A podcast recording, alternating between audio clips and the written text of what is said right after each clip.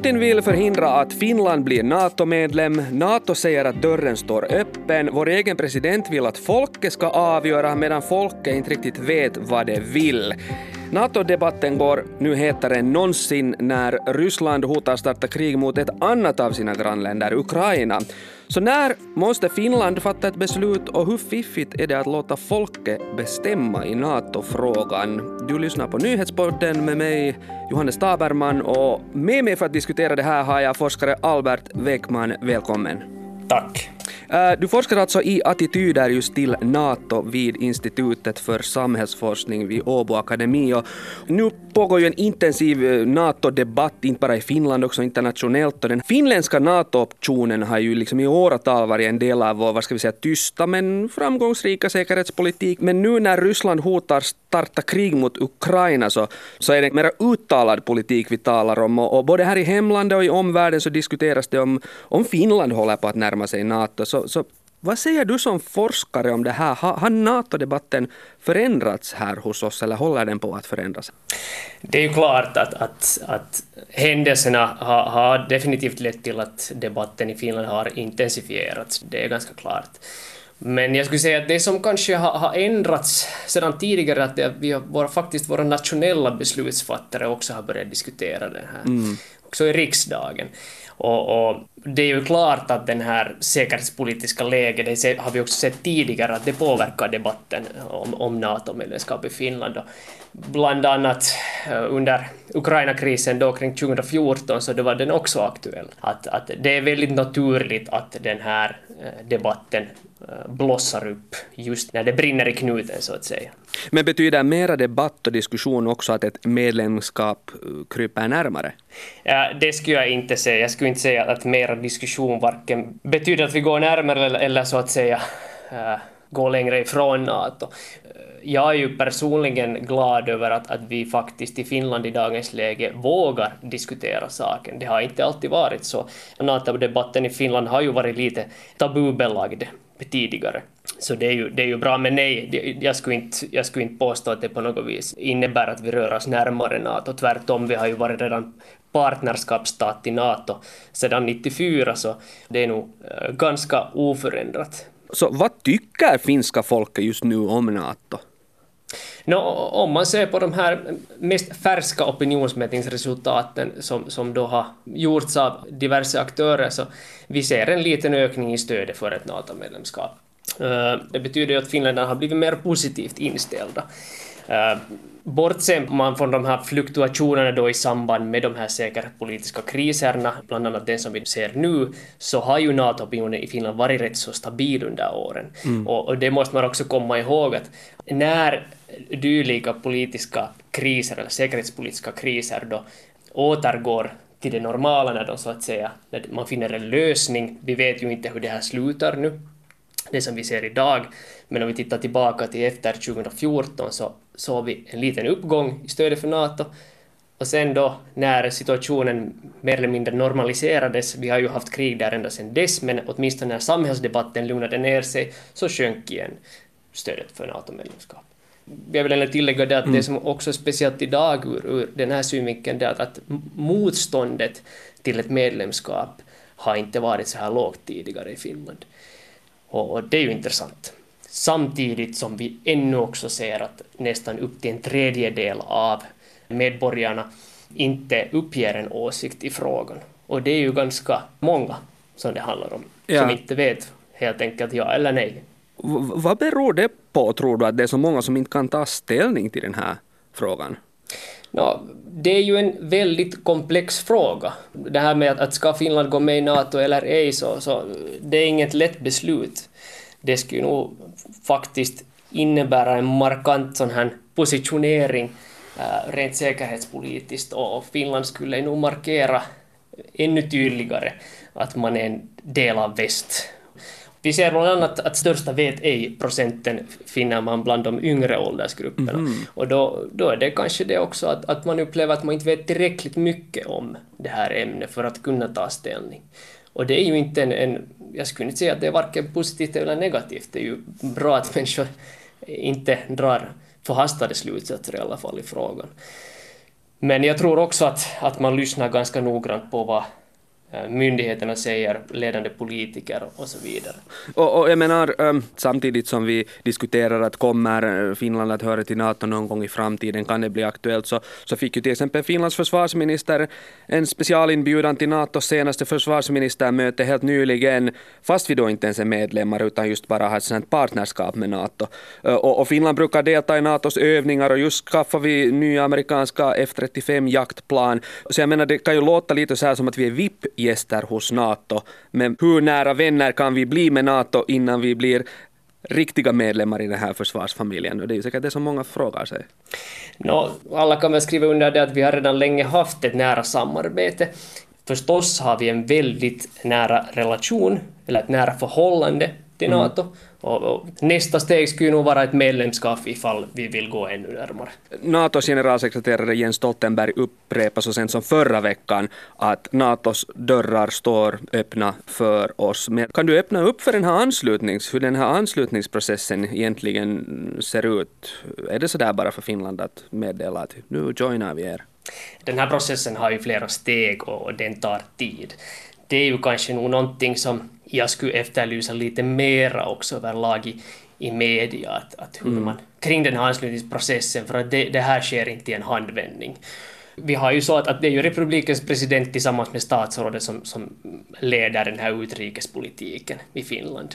Och, och i praktiken skulle det då vara så troligen att, att, att republikens president tillsammans då med statsrådets utrikes och säkerhetspolitiska utskott, de skulle då initiera den här processen. Och ett eventuellt beslut om att skicka in en ansökan då skulle göras av presidenten, rätt sådär konkret. Men innan det här sker så skulle ju då statsrådet, alltså då regeringen, överräcka en, en redogörelse till riksdagen och, och riksdagens utrikesutskott skulle ju hållas uppdaterat och informerat under hela den här processens gång. Men sen måste vi komma ihåg att det här kräver en hel del förberedelser också från NATOs håll. Mm. Att alla medlemsstater ska rösta. NATO har en princip om konsensusbeslut. Och, och alla medlemsländer har ju sedan sina egna system för att ratificera det här beslutet.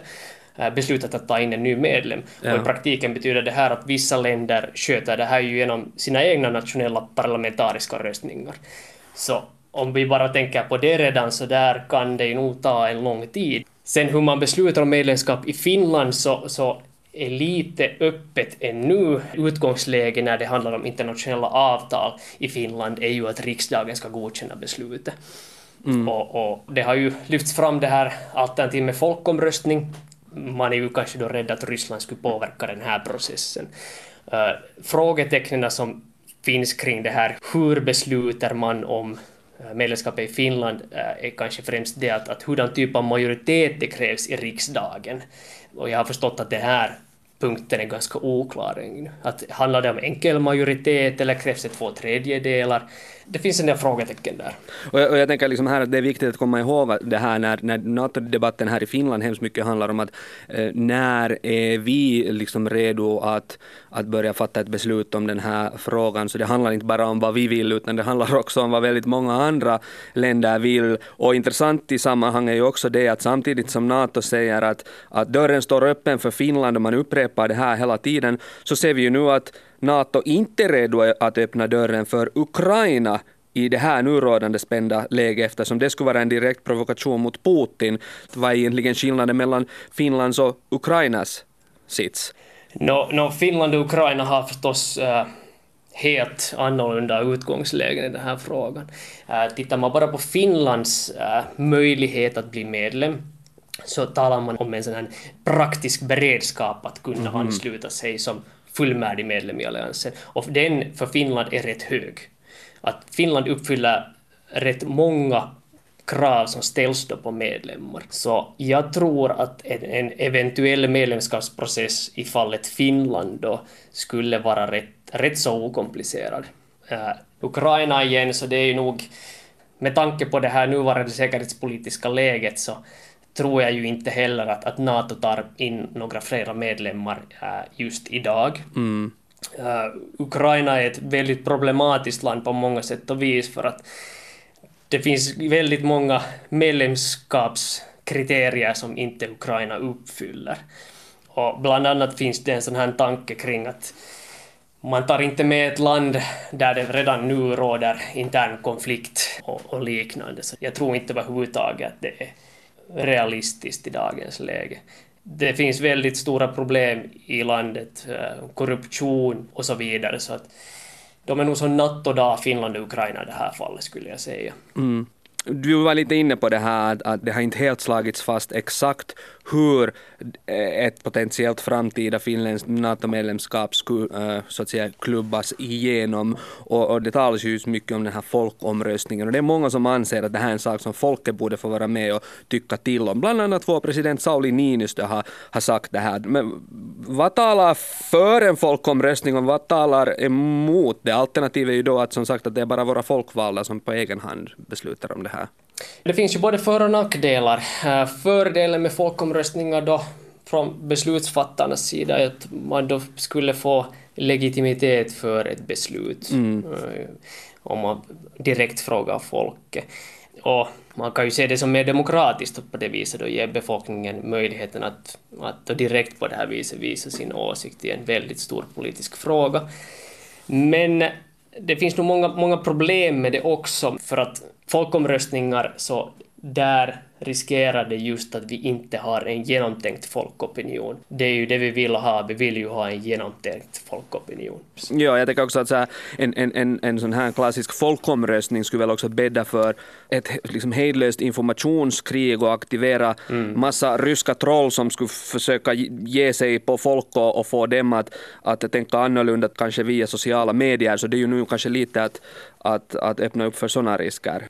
Jo, den genomsnittliga medborgaren har kanske inte heller tillräckligt med resurser just för att lägga sig in i, i en så här komplex fråga tillräckligt mycket. Och med resurser menar jag då främst tid eller möjlighet att göra det. Vi pratar ändå om säkerhetspolitiska ärenden och i, i praktiken så är det ju enbart regeringen, presidenten och riksdagen som då överhuvudtaget har möjlighet att få tillräckligt med information för att kunna fatta det här beslutet för Finland den enskilda medborgaren har inte ens möjlighet att få tillräckligt med information i ämnet för att all information om försvar och säkerhet är ju inte offentlig information. Mm. Och då måste ju medborgaren ta ställning till no någonting utan att egentligen besitta en komplett helhetsbild. Och det kan man ju se som lite problematiskt. Men varför inte bara liksom låta våra folkvalda politiker sköta sitt jobb i riksdagen och besluta om det här som man beslutar om allt annat? Inte, inte har vi ju några folkomröstningar och vår ekonomiska politik heller och den är ju också krånglig. Det är så och, och, och tillbaka till det här med, med att risken med folkomröstningen är just den här främst desinformation och eh, brist på information skulle jag nog säga. Varifrån kommer då så starkt den här tanken om, fast det är ju inte alls det fastslaget att, att, att, att ett finländskt NATO-medlemskap ska avgöras genom en folkomröstning, så har det här liksom NATO-folkomröstningen figurerat där som en sån här fråga redan i åratal, som att, att det här kan någon gång bli en sak för folket att ta ställning till varför har man ens liksom öppnat upp för den, här möjligheten när vi annars liksom ändå driver ganska lite av vår politik genom folkomröstningar? Man anser ju att det är en så pass stor fråga och att det innebär så stora förändringar äh, i samhället, inte kanske direkt i, i medborgarens vardag, men att man behöver fråga folket direkt. Vi hade ju samma sak då, då när Finland skulle rösta om att bli medlem i EU eller ej, så då, då använde man ju sig av folkomröstning. Men att besluta om EU-medlemskap var sen igen på flera sätt ett större beslut, för att det hade ju direkt större påverkan rent politiskt och ekonomiskt. Mm. För att då ansåg man ju att en folkomröstning var på sin plats i och med att EU medlemskapet då innebär att, att vi egentligen förflyttar en del av vårt beslutsfattande utanför Finlands gränser. Det här skulle ju inte ske ifall Finland skulle gå med i NATO, för NATO besitter ju inga överstatliga befogenheter överhuvudtaget. Så NATO kan inte besluta om ärenden som berör Finland eh, vi kan ju gå, gå tillbaka till det att varför vill man ha en folkomröstning? Jo, no, det kanske nu bottnar främst i det att, att NATO förutsätter ju att ansökan om NATO-medlemskap stöds av, av en majoritet av medborgarna. Hur man sen mäter det så det är ju då upp till var och en. Tack Albert Weckman, forskare vid Åbo Akademi, för att du kom hit och öppnade upp för synen på NATO och hur ett NATO-medlemskap kan, processen kan, kan se ut. Tack. Du har lyssnat på Nyhetspodden med mig Johannes Taberman. Ami Lassila är producent, Anne Heikkilä skötte tekniken. Fortsätt lyssna på oss.